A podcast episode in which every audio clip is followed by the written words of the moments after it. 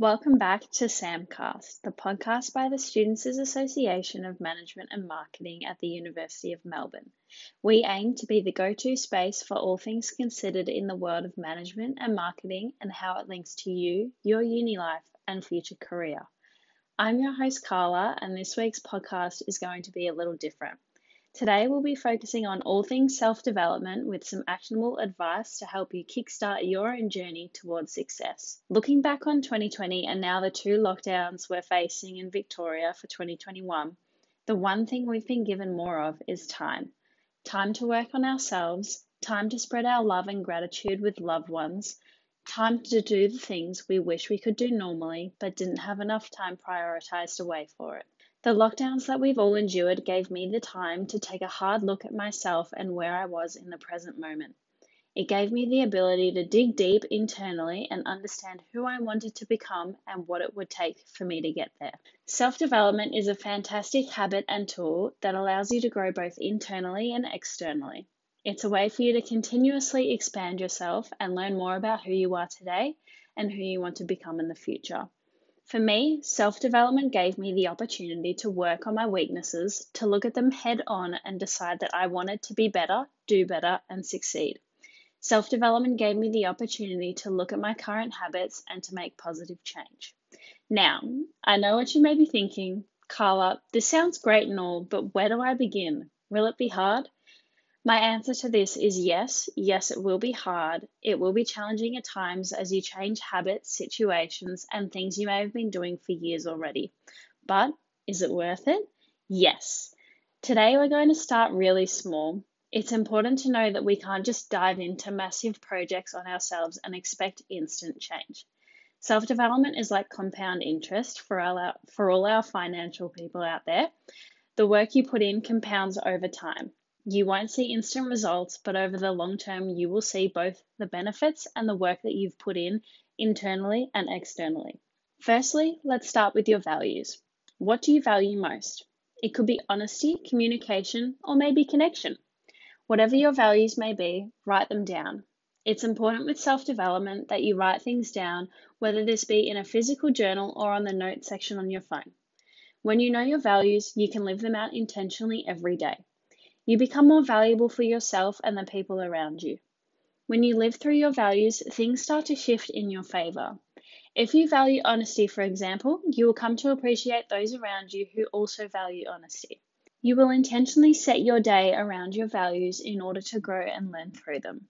Now, this is further down the track, but when you do know your values and are living through them every day, you can look at your inner circle and the people you surround yourself with. As Jim Rohn says, you are the average of your five closest friends. The energy you surround yourself with is the energy that you will be giving off. If you value honesty and want to live through that, yet you are friends with those who perhaps aren't as honest as you would like, you need to take an objective look at that friendship and decide for yourself whether this friendship is beneficial to your growth and development. Be aware of yourself, who you are, and what your dreams and goals may be. When you are self aware, you know what your strengths and weaknesses are. You may be naturally born with certain skills, but your weaknesses are not fixed. You can improve upon them and turn what was once your weakness into a strength.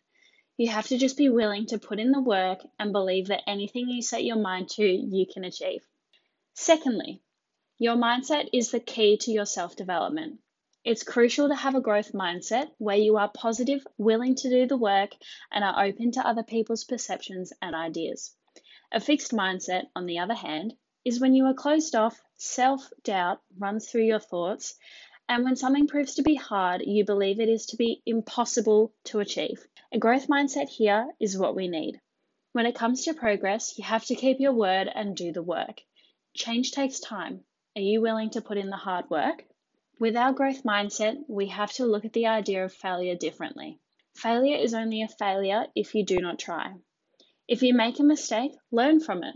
Write down why something went wrong and what you would do differently next time. It is only a failure if you refuse to learn from this situation. James Clear, the author of Atomic Habits, sums failure up perfectly. It's not the failed outcome that paralyzes us. It's the possibility of looking stupid, feeling humiliated, or dealing with embarrassment that prevents us from getting started at all. The first step to being courageous is being willing to look foolish. When we have a growth mindset, we are willing to put in the work, to try things, fail, learn, try again, and succeed. We don't worry about what other people may think of us. We stay in our own lane. We worry about ourselves and look after our health, body, and mind. I will also add here that learning through adversity and failure builds character. So instead of believing that we can't achieve something when we make a mistake or fail once, we learn and improve our strategies for next time. Thirdly, let's keep it really simple and set yourself some goals. These can be goals for the day, week, year, or even what you want to achieve in the future. These goals can be SMART goals, meaning they are specific, measurable, attainable, relevant, and time based, or your goals can be big and extraordinary.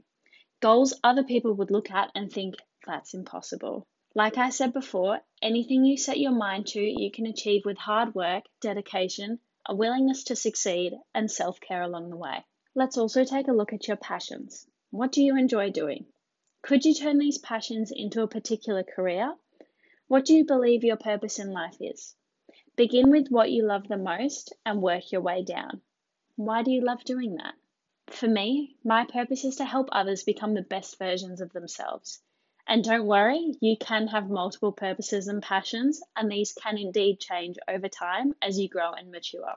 Self development all starts with taking that first step, the action to get moving today. It is possible to grow and expand yourself further than you could possibly have ever imagined. Thank you so much for joining us today. I'm so happy to not only shared my love for self development with our SAM audience, but also to have given easy, actionable advice for anyone starting on their own journey now. See you next time on SAMcast. In semester two of 2021, we will be looking into more topics in the realm of marketing and management, and also taking a deep dive into some other interesting topics that we believe will inspire our SAM listeners.